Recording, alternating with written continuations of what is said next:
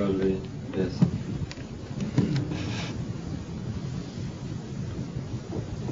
Kjære Herre, du levende og gode Gud. Takk for at vi på ny skal få lov til å samles i ditt gode, hellige navn. Fordi du selv har kalt oss til å være barn hos deg i Jesus. Takk, Herre Jesus, at du ikke har spart noen møye for at vi skal få lov å høre deg til. Du ga ditt liv og ditt blod for vår frelse. Nå ber vi deg, du Hellige Ånd, at du selv vil komme og lukke opp ordet for våre hjerter. At du vil lede oss inn til Jesus, stadfeste oss i ordet, slik at vi kan bli bevart frem til målet hos deg. Fri oss og frels oss ut fra alt det som er vant i dine øyne. Amen.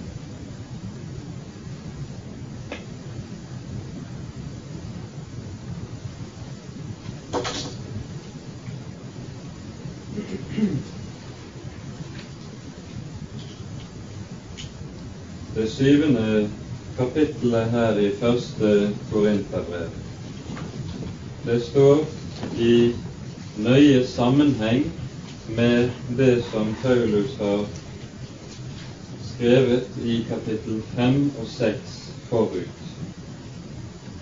Og eh, det kan nok heller ikke ses løsrevet fra det.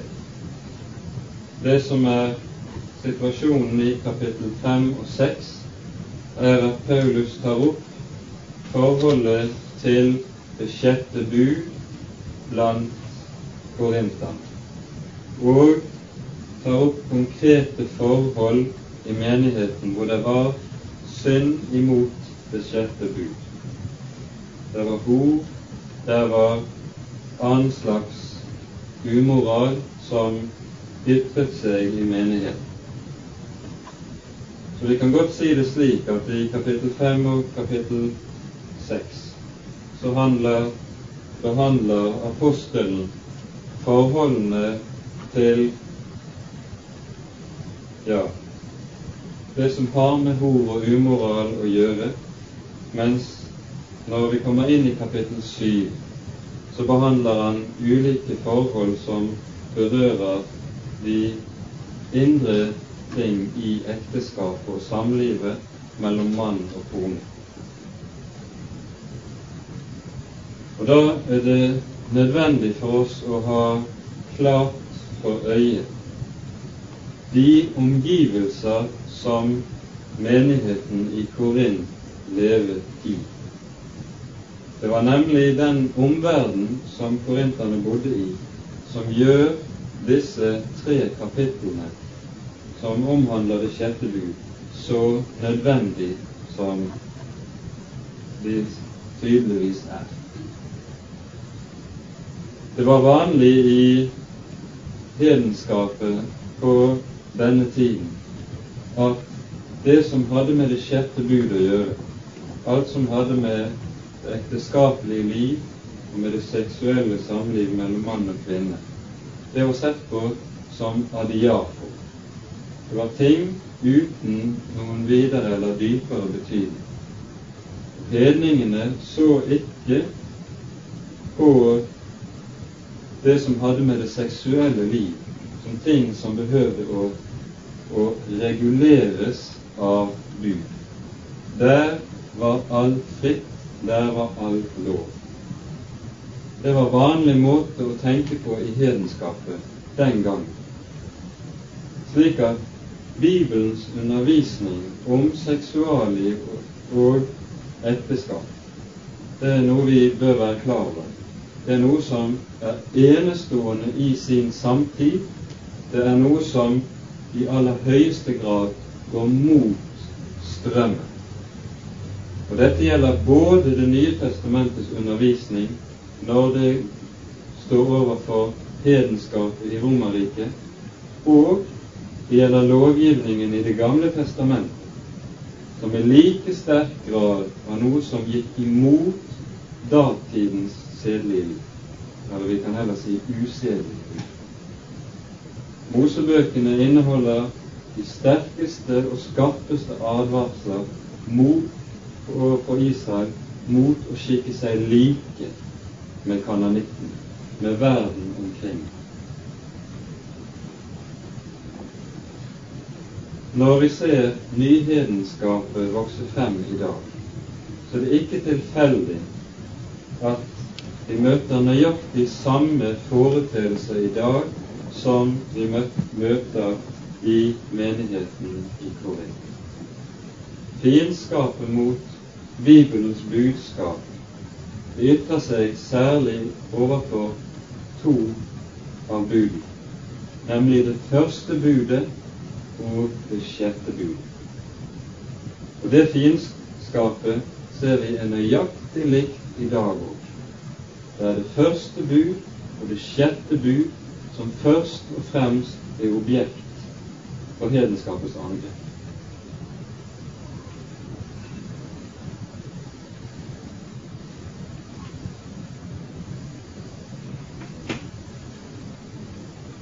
Når vi har dette i bakhodet, så kan vi kanskje begynne å se på og lese kapittel 7.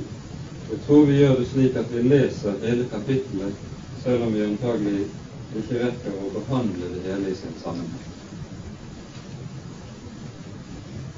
Vedkommende det som dere skrev om, da er det godt for et menneske ikke å røre en kvinne men for hors skyld skal hver mann ha sin egen hustru, og hver kvinne sin egen mann. Mannen gjør sin skyldighet mot hustruen, og likeså hustruen mot mannen. Hustruen råder ikke over sitt eget legeme, men mannen. Likeså råder heller ikke mannen over sitt eget legeme, men hustruen. Hold dere ikke fra hverandre uten etter samråd for en tid for å leve i bønn, og kom så sammen igjen for at ikke Satan skal friste dere, fordi dere ikke makter å være avholdende. Dette sier jeg som en tillatelse, ikke som påbud. Jeg ønsker at alle mennesker var som jeg, men hver har sin egen nådegave av Gud. Den ene så, den annen så. Til de ugifte og til enkene sier jeg, det er godt for dem om de vedblir å være som jeg. Men kan de ikke være avholdende, da la dem gifte seg. For det er bedre å gifte seg enn å lide brynde. De gifte byr jeg, dog ikke jeg, men Herren, at en hustru ikke skal skille seg fra sin mann. Men om hun skiller seg fra ham, da vedblir hun å være ugift, eller forlike seg med sin mann, og at en mann ikke skal skille seg fra sin hustru. Til de andre sier jeg, ikke Herre. Dersom en bror har en vantro hustru, og hun samtykker i å bo hos ham, da skiller han seg ikke fra henne. Og om en hustru har en vantro mann, og denne samtykker i å bo hos henne, da skiller hun seg ikke fra sin mann. For den vantro mann er helliget ved sin hustru, og den vantro hustru er helliget ved broren. Ellers var jo deres barn urene, men nå er de hellige. Men dersom den vantro skiller seg, da får han så gjøre. Broren eller søsteren er ikke trellbundet til slike ting men Gud har kalt oss til fred. For hva vet du, hustru, om du kan frelse din mann? Eller hva vet du, mann, om du kan frelse din hustru?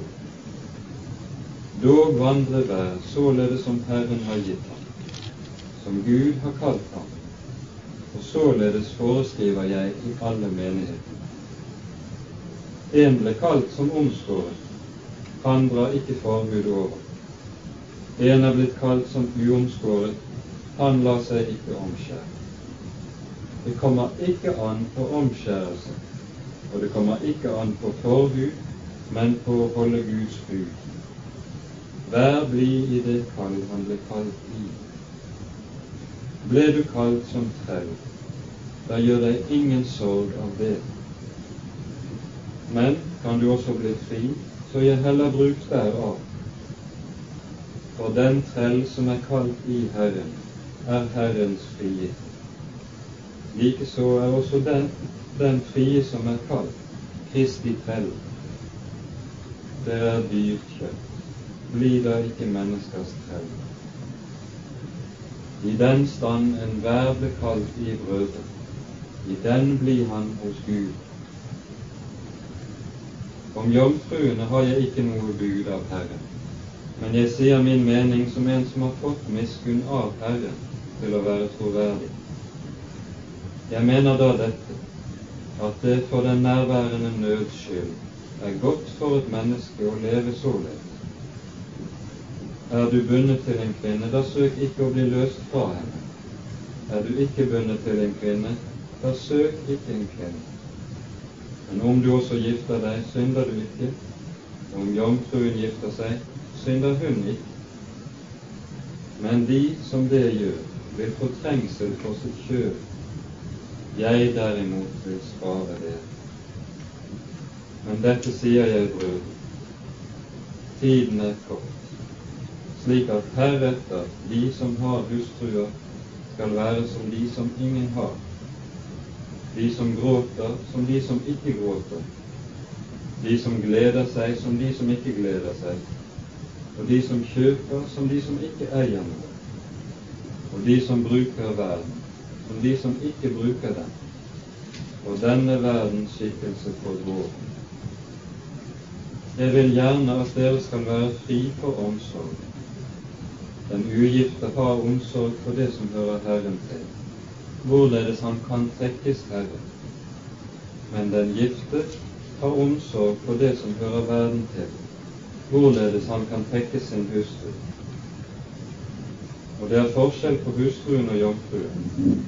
Den ugifte kvinne har omsorg for det som hører Herren til, at hun kan være hellig både for legeme og for ham. Men den gifte kvinne har omsorg for det som hører verden til, hvorledes hun trekker sin mann.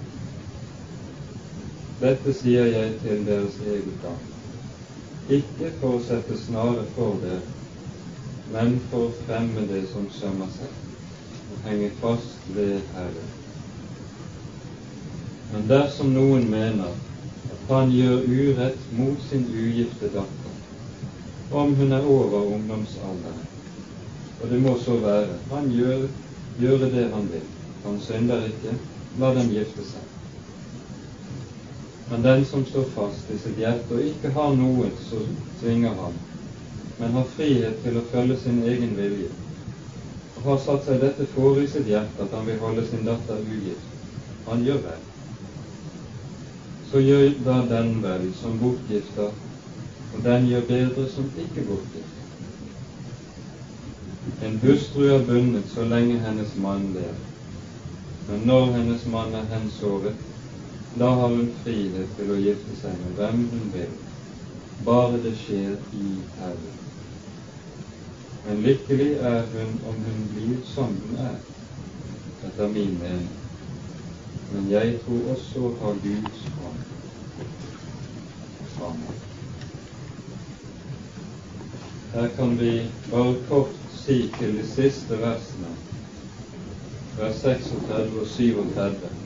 De går jo helt tydelig inn i en situasjon som ikke lenger er aktuell i vårt samfunn, nemlig hvor det er slik at en datters giftermål er avhengig av far eller familie.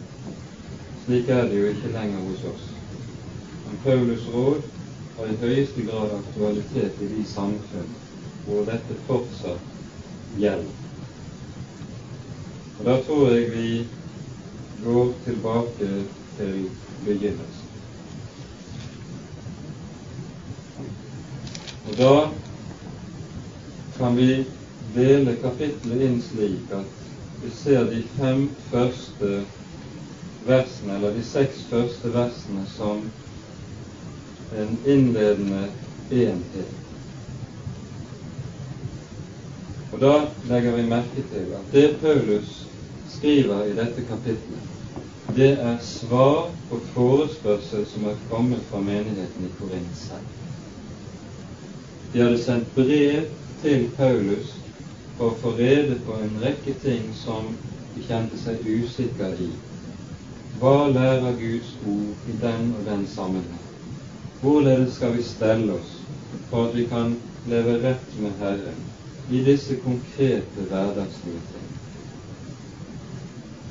Og det er klart at dette har stor plass og stor betydning for den enkelte kristne, i og med at det som har med det ekteskapelige samliv, går så dypt, dypt inn i hjertelivet for hver enkelt av oss. Og Derfor vier også Paulus så meget plass til dette emnet. Vedkommende det dere skrev om, da er det godt for et menneske ikke å røre en kvinne. Men for hors skyld skal hver mann ha sin egen hustru, og hver kvinne sin egen mann. Og Her ser vi at apostelen peker på noe av det som er den negative begrunnelsen for ekteskapet i en falen og syndig verden. Den positive begrunnelsen for ekteskap, den finner vi i Første Moseboks første kapittel. Ekteskapet er en ordning gitt og innstiftet av Gud selv fra begynnelsen av. Det hører med som en av de aller mest grunnleggende skaperordninger, som faktisk er så grunnleggende at den er bestemmende for alt annet i menneskelig liv overhodet. Vi leser i Første Moseboks første kapittel slik dere husker. Gud skapte mennesket i sitt bilde. Til mann og kvinne skapte han dem, og så satte han dem til å råde. Og Da skal vi legge merke til at nettopp det som er kjennetegnet på gudbildeligheten, er at det er mann og kvinne sammen som utgjør gudbildet. Og dette kommer til uttrykk gang på gang senere i Bibelen, hvor forholdet mellom Herren og hans folk nettopp avbildes som forholdet mellom mann og hustru. En innbyrdes kjærlighet mellom mann og hustru er det næreste og beste bildet på forholdet mellom Gud og menneske. Slik som mannen elsker sin hustru, slik skal ha Herren Gud elsket sitt folk. Og slik skapte Gud oss i sitt bilde. Etter at syndefallet kom inn i verden, så er ekteskapet også blitt noe av en nødvendighet for hors skyld, som det står fordi seksualdriften er en så uhyre sterk drift som den er. Den er tung og vanskelig å styre når den ikke får leves ut i et sunt fellesskap i ekteskapet. Så blir ekteskapet også en nødvendighet i den sammenheng. For hvor skyld skal hver mann ha sin egen hustru og hver kvinne sin egen mann. Her har vi den negative begrunnelsen for ekteskapet som. Når Paulus her i første verset sier at det er godt for en mann å ikke røre en kvinne, så utlegger han det nærmere et stykke etter midten av kapittelet, hvor han taler mer om dette som vi gjerne kaller for sølibatet, eller den ugifte stand. Noe som i høy grad er begrunnet i situasjonen den gang for den kristne menighet. Det var nemlig slik, det kan vi se litt mer på, at i forfølgelsestiden som var den gang, så var det, gjorde forfølgelsene dobbelt så tunge og vanskelig, det å ha barn og ektefelle å tenke på i slike, under slike forhold. Vi kommer tilbake til det. Så går Paulus inn på forholdet mellom mann og kvinne innbyrdes i ekteskapet. Mannen gjør sin skyldighet mot hustruen, og likeså hustruen mot mannen. Og Her er det tale altså om det seksuelle samliv primært. Og Her ser vi at Det nye testamentet sammen med Det gamle testamentet ikke ser på seksuallivet som noe som verken er stygt, som er ond, uren eller unødvendig. Tvert om, like som mann og kvinne er skapt av Gud. Kjønn hører med til vår vesentlige identitet. Så er også seksuallivet noe som er skapt av Gud, og som er en grunnleggende del av personligheten.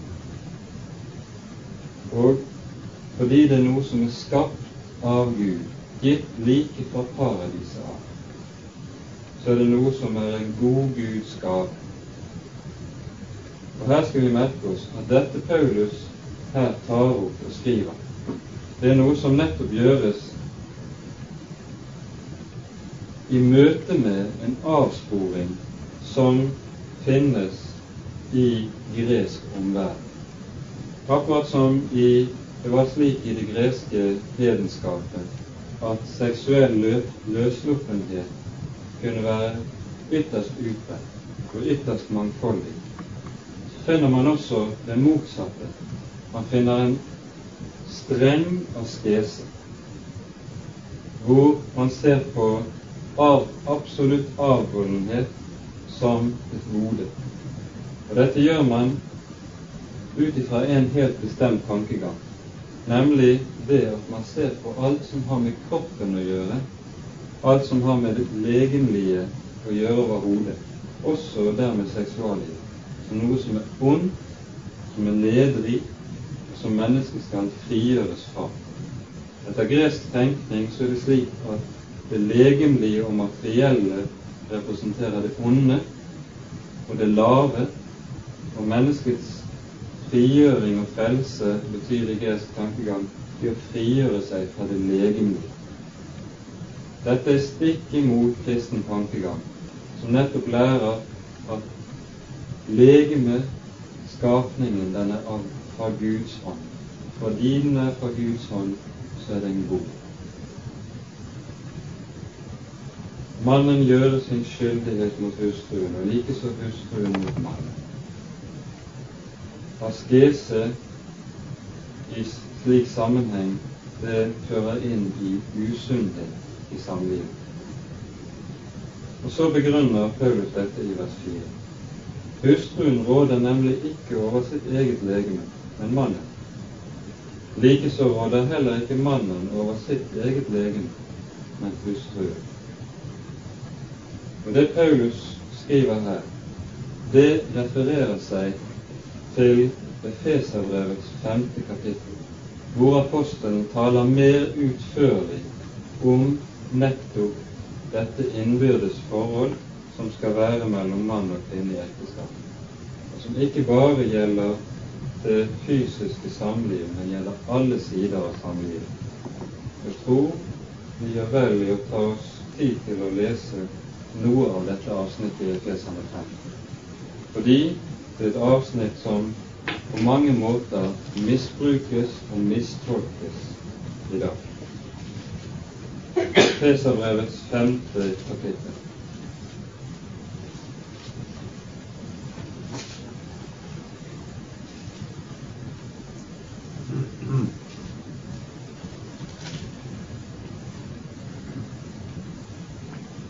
Leser fra vers 21. Underordne dere under hverandre i Kristi dere hustruer skal underordne dere under deres egne menn, som under Herren. For mannen er hustruens hode, like som Kristus er menighetens hode, han som er sitt legemes frelse. Men like som menigheten underordner seg under Kristus, således skal også hustruen underordne seg under sine menn i alle ting.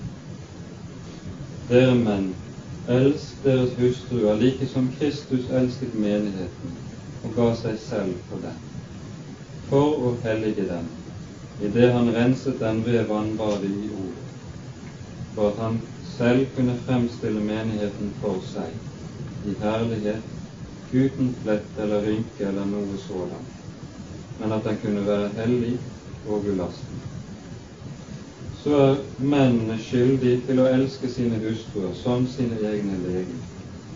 Den som elsker sin hustru, elsker seg selv. Ingen har jo noensinne hatet sitt eget kjød, men han før og varmer det like som Kristus gjør med menigheten. For vi er hans legemes lenge. Derfor skal mannen forlate far og mor og holde seg til sin hustru, og de to skal være ett kjød. Denne hemmelighet er stor, men jeg tenker hermed på Kristus og på menigheten. Dog også dere skal elske enhver sin hustru som seg selv. Hustruen skal ha ærefrykt for sin mann. Legg merke til her at her anvendes nettopp dette bildet og forholdet mellom Gud som skaper og frelser, som elsker sitt folk. Og det avbildes just i ekteskapet. Og legg merke til det som står her.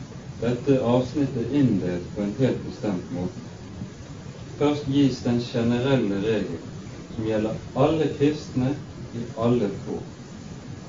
I vers 21. Underordne dere under hverandre i Kristi. Det gjelder alle kristne. Og så kommer anvendelsen av denne grunnregelen inn i de ulike forhold. Først tales det til hustruen, så til mannen. I kapittel 6 tales det til barna, til tjenestefolk og til andre. Hver enkelt gruppe får sin konkretisering. Så kommer altså disse versene som er så utskilt i dag. Dere hustruer underordner dere under deres egne menn, som under Herren. De er faktisk så utskjelt, disse versene, at i den nye liturgien er det slik at man ikke våger å lese dette avsnittet. Men man begynner tekstlesningen i Kirken med vers 25, som er formaningen til menn. Formaningen til kvinnene har man hoppet over. Nokså typisk. Hva ligger det i dette som heter underordning? Her skal vi være klar over at det ikke er tale om det som der menes i vanlig forstand ellers i samfunnsliv og her i denne verden. Det som ligger bakom her, det er den kristne tenkning som nettopp er stikk motsatt av det som er tenkningen overalt ellers i verden. Hva er det som er noe av menneskets grunndrift? Det er jo det å hevde seg. Vi vil gjerne hevde oss ved å være, bli store, være ovenpå, og selvhevdelsestangen ytrer seg når vi kommer overfor andre mennesker, slik at vi gjerne vil være de som råder og bestemmer. Å være herre, det er attråværen. Og slik kan vi hevde oss selv på andres bekostning. Men i Guds rike er det stikk motsatt. Der er det slik at det å ville hevde seg selv, det å være høyest, det å ville være størst, det er uttrykk for det djevelske og for det satanske. Og vi ser også at det er just dette som preger Antikrist når han trer frem i verden. Det er han som blir den ytterste eksponent for denne menneskets selvhevdelsestrang. Han opphøyer seg selv til Gud, står. Hva er da det kristne, det som er godt i kristen sammenheng? Jesus sier det klart og tydelig Disiplene diskuterte nemlig en gang hvem er størst. Så sier han ikke jo, Peter er størst, han har mest innsikt. Eller Johannes er størst, han har mest kjærlighet. Men han tar et lite barn frem, setter det i deres midt og sier den som vil være størst blant dere, være som barn. Og nettopp slik er det det guddommelige liv ytrer seg når det får lov til å komme inn imellom oss. Da blir det ikke trang til å være den største og den fremste, men det blir trang til å få lov til å være barn under Han som er far. Og det å få lov til å være ikke den største, men nettopp være fri fra selvhevdelsestrang skal slippe å verge meg selv og hevde meg selv. Underordne dere under hverandre i Kristi fri. Det å stå under hverandres liv og sette andre høyere enn seg selv, det er kjennetegnet på det guddommelige livet når du kommer inn i denne sammenheng. Og så sies det til hustruer underordne dere under deres menn alvorlig og klart med. Og slik skal en kone leve sammen med sin mann. Men vel å merke, det står ikke noe sted at mannen skal overordne seg over sin hustru. Legg merke til det. Det står ingen steder. Og dermed ville jo mannen nettopp få utløp for og anledning til den onde drift som var selvhevdelsesdrang. Mannen får den samme formaning anvendt på seg selv. Hvorledes skal han underordne seg, vise sin kjærlighet? Vers 25 står det klart. Dere menn, elsk deres hustruer like som Kristus elsket menigheten og gav seg selv for dem. Her er det ingen sjanse til å være tyrann. Her er det ingen sjanse til å si 'jeg er den overordnede', 'jeg skal ha makt'. Tvert om. For hvorledes var det Kristus elsket menigheten? Det står klart og tydelig Jesus sier i Matteus 20 Menneskesønnen er ikke kommet for å la seg tjene, men for selv å tjene og gi sitt liv til løsepenger for mannen. Slik skal mannen vise sin kjærlighet. At Jesus nettopp viste det, mente dette alvorlig. Det viser han det siste døgnet han lever. Bøyer seg ned, tar det simpleste slavearbeid på seg og vasker disiplenes føtter. Dagen etterpå gir han liv og blod for menigheten. Her er det ikke tale om å være tyrann. Her er det tale om å elske slik som Kristus har elsket menigheten. Dette er det kristne ideal samliv og ekteskap. Og da skjønner vi at denne generelle regel for hvorledes to skal leve sammen, det er det Paulus gir en konkret anvendelse av inn i det som har med det seksuelle samliv, som vi leste om her i det syvende kapittelet på Vinter. Hustruen råder ikke over sitt eget legeme, en mann. Likeså råder heller ikke mannen over sitt eget legeme, en hustru.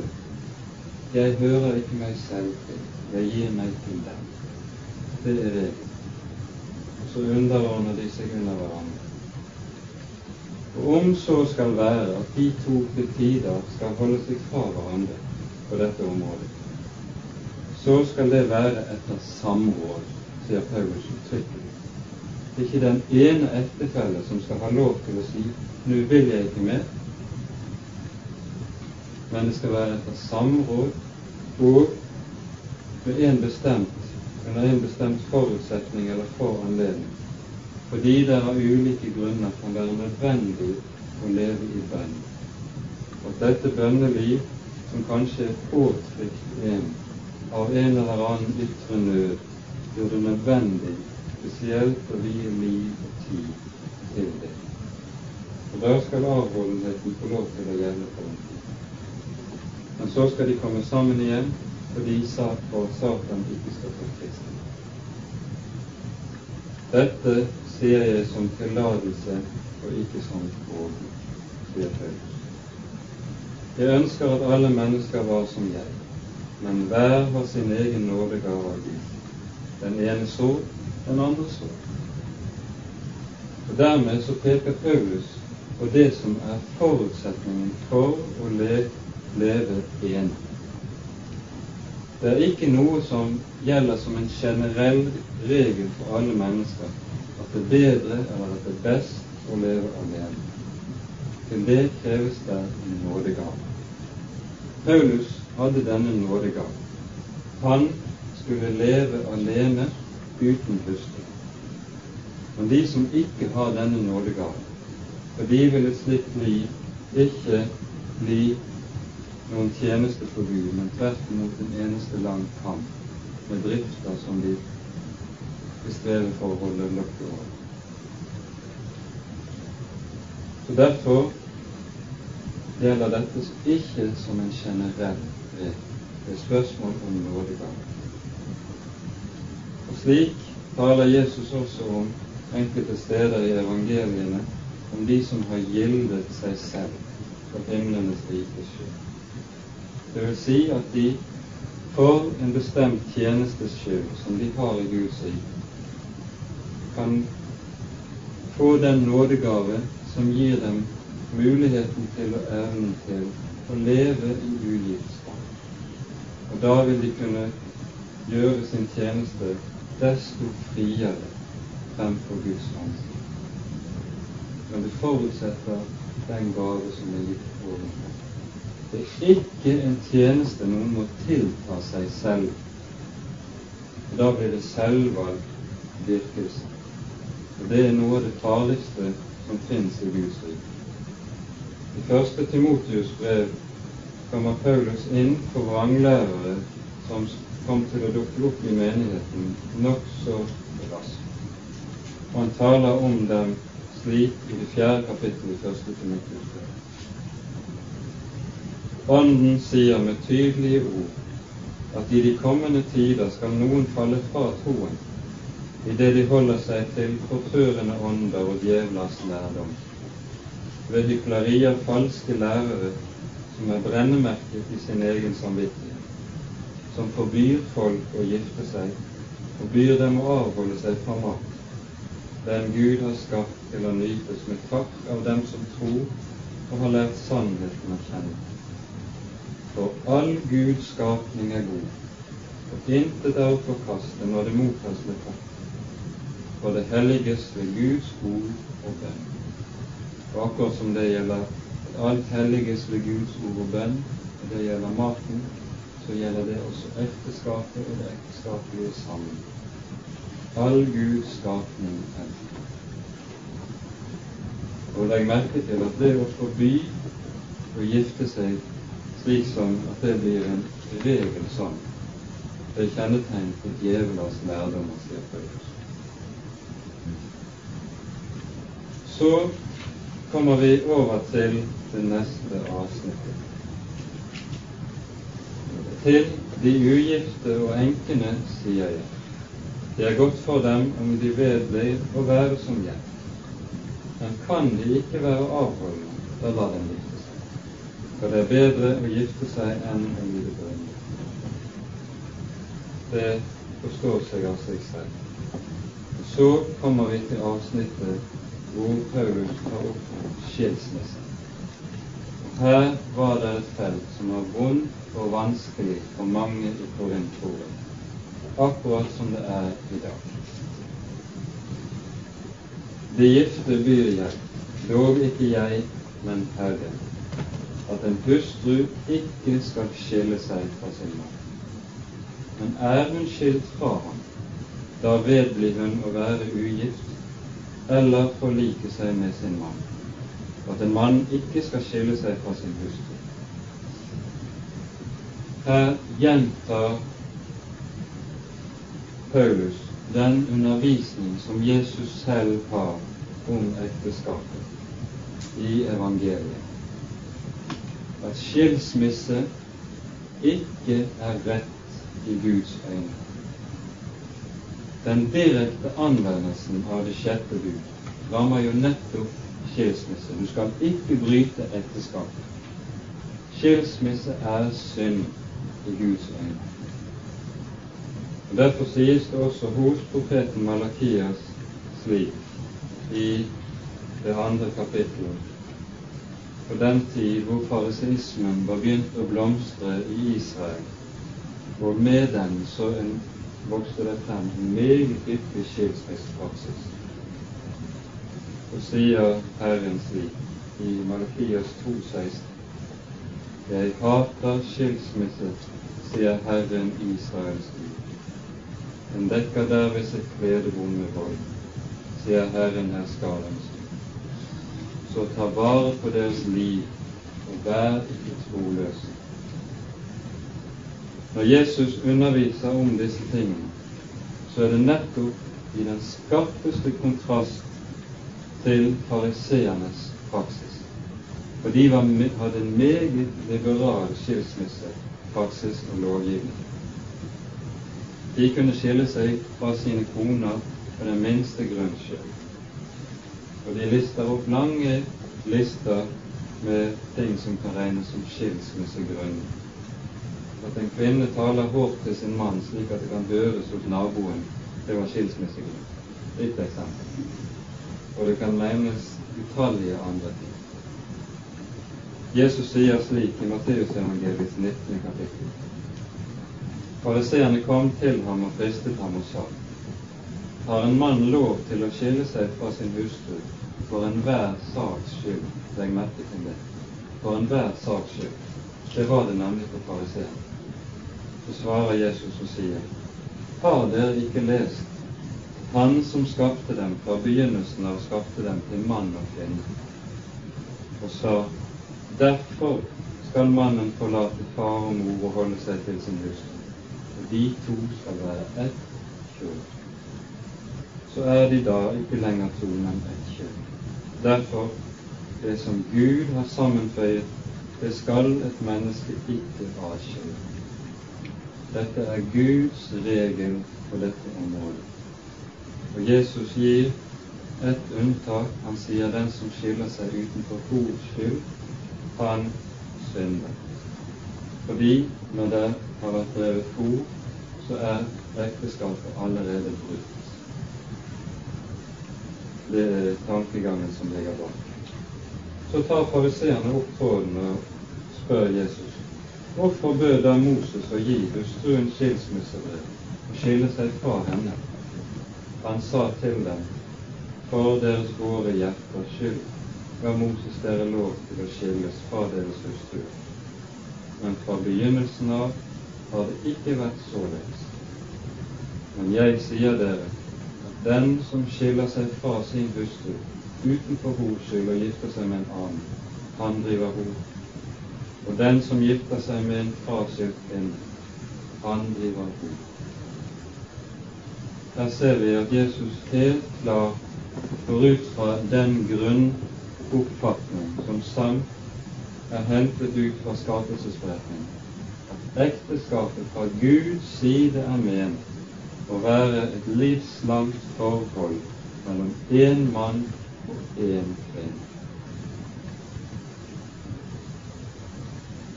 Derfor er skilsmisse å betrakte som synd, og på samme måte fordi det er én mann og én kvinne som skal leve sammen i ekteskap, så tillates heller ikke gjengivelse av Jesu hånd.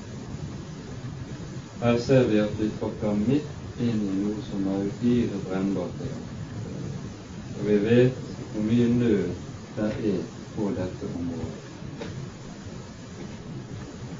Når Jesus svarer på denne måten som han gjør i Matteusevangeliet, når han sier for deres våre hjerters skyld ga Moses dere lov til å skilles, så peker Jesus dermed på den dobbelte hensikt som Moseloven har. Moseloven er både sosial eller samfunnsmessig lovgivning og Guds lovgivning. Og Da ser vi hvorledes Bibelen regner med at som sosial lovgivning kan nok være nødvendig for et samfunn å tillate skilsmisse for de våre hjerters skyld. Altså for å unngå det som ondt og vanskelig er, og det som kan føre til skade dersom de to fortsetter å leve sammen. Men vi vet at dette er ikke noe som er Guds egentlige vilje. Men det er en, så å si en konsesjon som er gitt for å unngå det som er rett.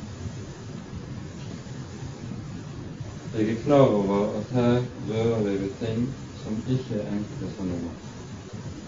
Og vi rører ved ting som kan være ømme og onde. Her trengs det mye omsorg for det enkelte mennesket. Men vi leser også i Det nye testamentet rikelig om hvorledes Jesus har omsorg for nettopp hjem. Hjemmene og deres stilling og nød.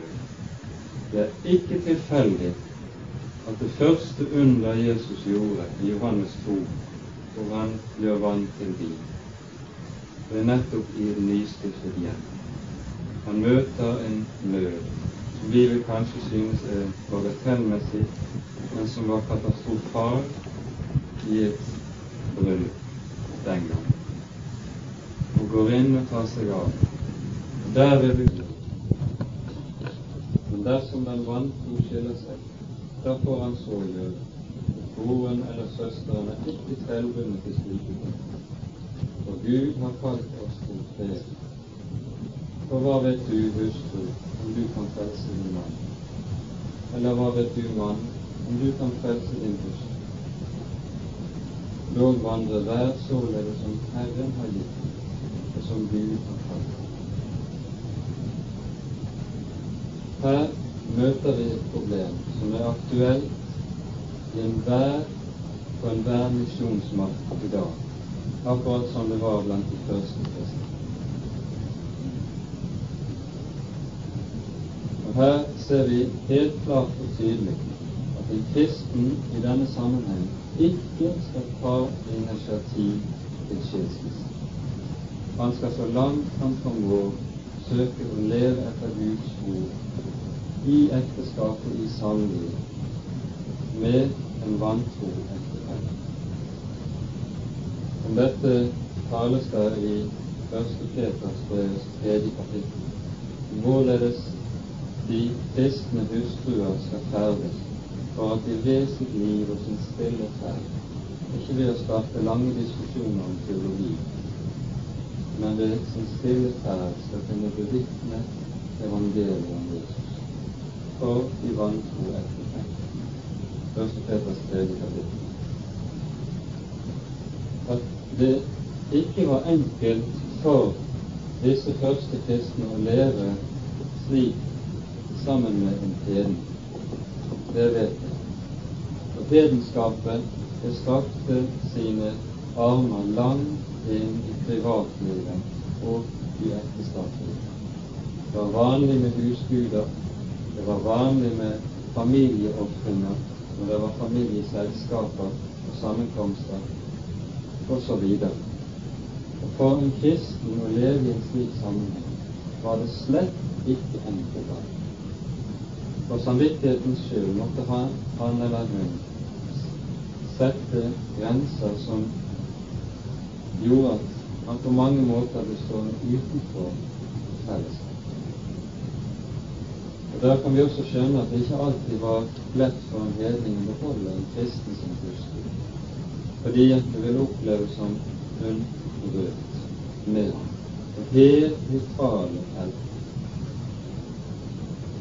og Derfor ser vi også ofte at hedningene, dersom noen fikk en kristen felle, så ville de skille seg. Det slett ikke uvanlig i urkristen. Dersom det var slik at, den, at hedningen ville slik, så skulle den kristne ikke motsette seg det. Og dette begrunnes på en bestemt måte. Legg merke til det i vers 15. Gud har kalt oss til fred. dersom det skulle være slik at man ved å tviholde på et samliv kom til å skape mer og mer strid og ufred og ulykke, så var det bedre for Guds skyld og for Guds freds skyld å forlate samlivet når man vel og merke ble kastet ut av det. Den kristne skulle ikke selv ta initiativ til det. For den kristne skulle heller ikke tviholde på samlivet under den motivering at han ønsket å frelse sin mann, eventuelt sin kone. Hva vet du, hustru, om du kan frelse din mann? Eller hva vet du, mann, om du kan frelse din hustru? Dersom den kristne ved å bli i samlivet kom til å måtte gå slik på akkord at han mistet Guds fred. Hvilket vitnesbyrd har han da til å avlegge? Kom han da til å avlegge vitnesbyrd om at det som telte mer enn alt annet og mer enn alle ting, var å få eie fred med Gud, dersom han på ekteskapets del gikk fred med tale. Her kom Jesu regel, som han lærer både i ja, som vi leser om i alle evangeliene. Vi kan lese fra Lukasevangeliet 14. kapittel f.eks. til å komme inn. Lukas 14, vers 26 og 27. Om noen kommer til meg og ikke hater far og mor og hustru og barn og brødre og søsken, ja, endog sitt eget liv, han kan ikke være min disippel. Og den som ikke bærer sitt kors og følger etter meg, han kan ikke være min disippel. At dette var noe som i høy grad var aktuelt i den første menighet, det skjønner vi ut ifra det Paulus må ta om. Det har kostet ikke bare livet, men ekteskapet og barna og mann en som vendte seg til Jesus. Så det var ingen lettvint ting. Dog vandre hver således som Herren har gitt ham, som Gud har kalt ham, og således foreskriver jeg i alle menigheter. Jeg ser at det drar ut. Jeg skal bare kort ta opp et par neste versene. Når vi nå kommer til de neste versene, så kan vi si at vers 20 rommer det som er essensen av den generelle regel som ligger under her. Vær blid i det kall han var da han ble kalt. Altså, den kristne skal, når han er kalt av Herren og er blitt omvendt, så skal han ikke ut ifra ulike hensyn søke seg til andre steder, andre kall, andre stender, ut så sant han kan bli der han er, uten synd. Rett nok var det slik i urkirken at det var mange som for å kunne bli tatt inn i den troende menighet, måtte både forlate kall og, og yrke og alt for å kunne bli kristen. Det er en underlig iakttagelse som er gjort i vår tid, hvor det er så mye tale om at terskelen inn i Guds hus skal være lavest mulig. I den første kristne tid var terskelen uhyggelig høy. Det var utallige som måtte oppgi sitt yrke. Og vi har også lest om de som måtte oppgi sitt ekteskap for Jesus skyld kunne være skuespillere de måtte slutte. Det kunne være bordellverker som det var ganske mange av. Det kunne være ulike slags andre yrker som det var forbundet synd med å fortsette med yrket. Da måtte de oppgi sitt yrke for å kunne bli tatt inn i den troende mening. Men der hvor det ikke var forbundet med synd å fortsett i den stand den enkelte var, der gjelder regelen vær blid i det kall som han var da han ble kalt. Ble du kalt som trell, da gjør deg ingen sorg av det. Men kan du bli fri, så gjør heller bruk derav. For den trell som er kalt i Herren, er Herrens frie. Likeså er også den frie som er kalt Kristi trell. Dere er dyrt kjøpt, bli ikke menneskers trell. Her møter vi igjen noe av det som var et brennbart problem den gang, nemlig trelldommen. I Romerriket var det slik at det var befolkningen bestod av to tredjedeler av slaver og en tredjedel av frie mennesker. Grovt regnet var det omtrent dobbelt så mange slaver i Romerriket som det var frie mennesker. Det sier noe om tilstanden.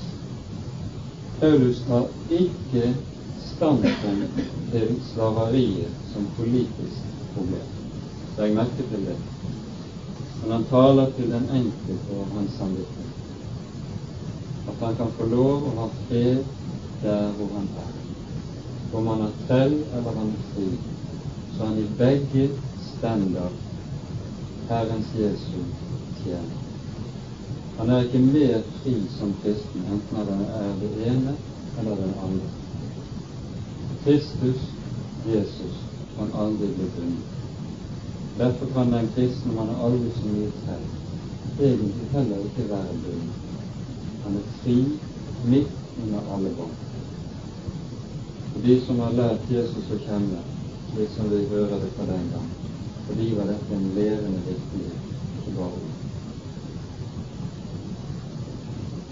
Bak slaveriet så var det en helt bestemt tenkning som var vanlig også i hedenskapet den gang som hang sammen med det vi var inne på til å begynne med, hvor man så ned på det materielle, det fysiske. I denne sammenheng så man også ned på alt fysisk arbeid. Derfor var det slaver som skulle gjøre det fysiske arbeid. Åndsarbeid var mye finere. I Bibelen er det motsatt. Det er ikke slik at åndsarbeid er spesielt fint, i motsetning til kroppsarbeid. Tvert om Kroppsarbeid og legemlig arbeid er nøyaktig like høyt verdsatt og like nødvendig som det andre. Det er slett ikke mindre. Fordi slavene var slike som var kun beskjeftiget med slike ting, så var de også naturligvis sett ned. Man anså det slik at en slave ikke hadde noen sjel. Når det kristne budskap kommer, så representerer det en total revolusjon inn i dette bildet. En slave er like mye verd som en fri.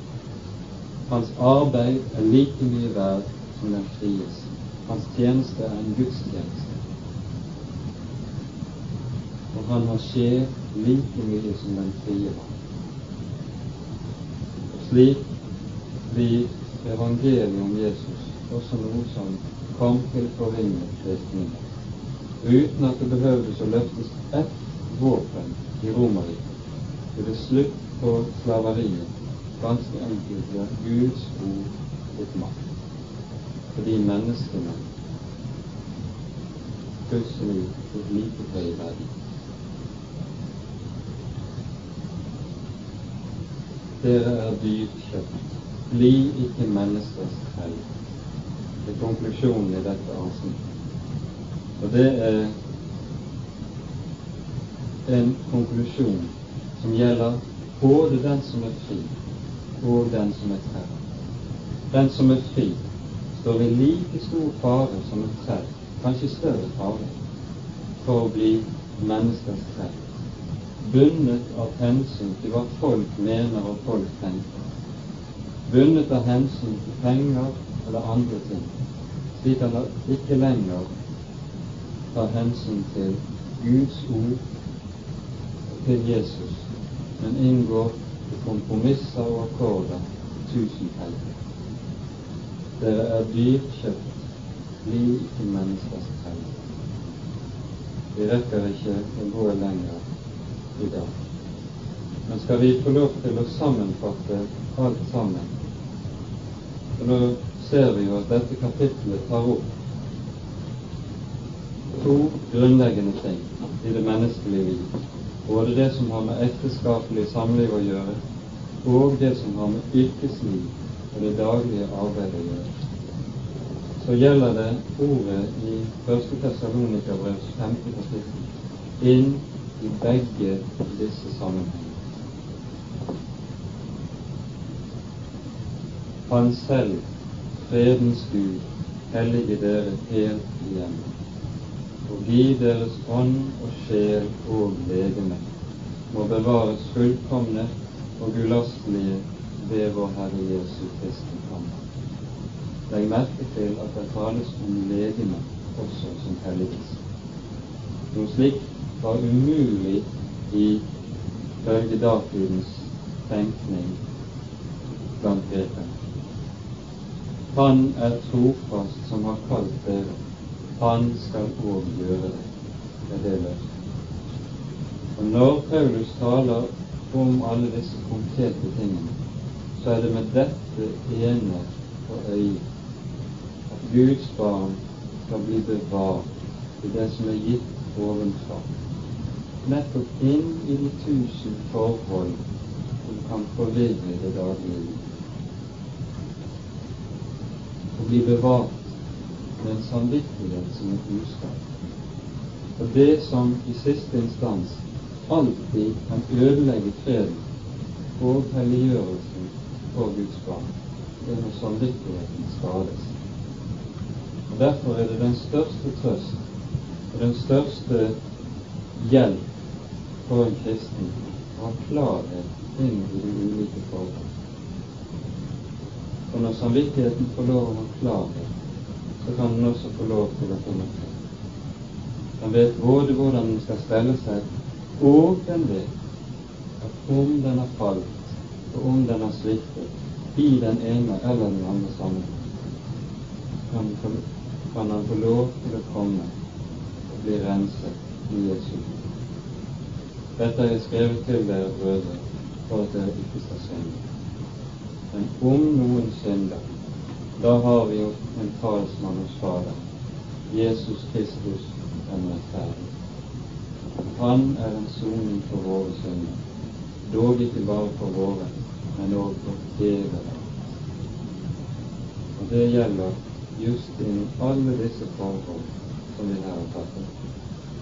Slik er det Han som er fredens Gud, helliger helt igjen Det er han som gjør det slik. Og der tror jeg vi setter strek for i dag.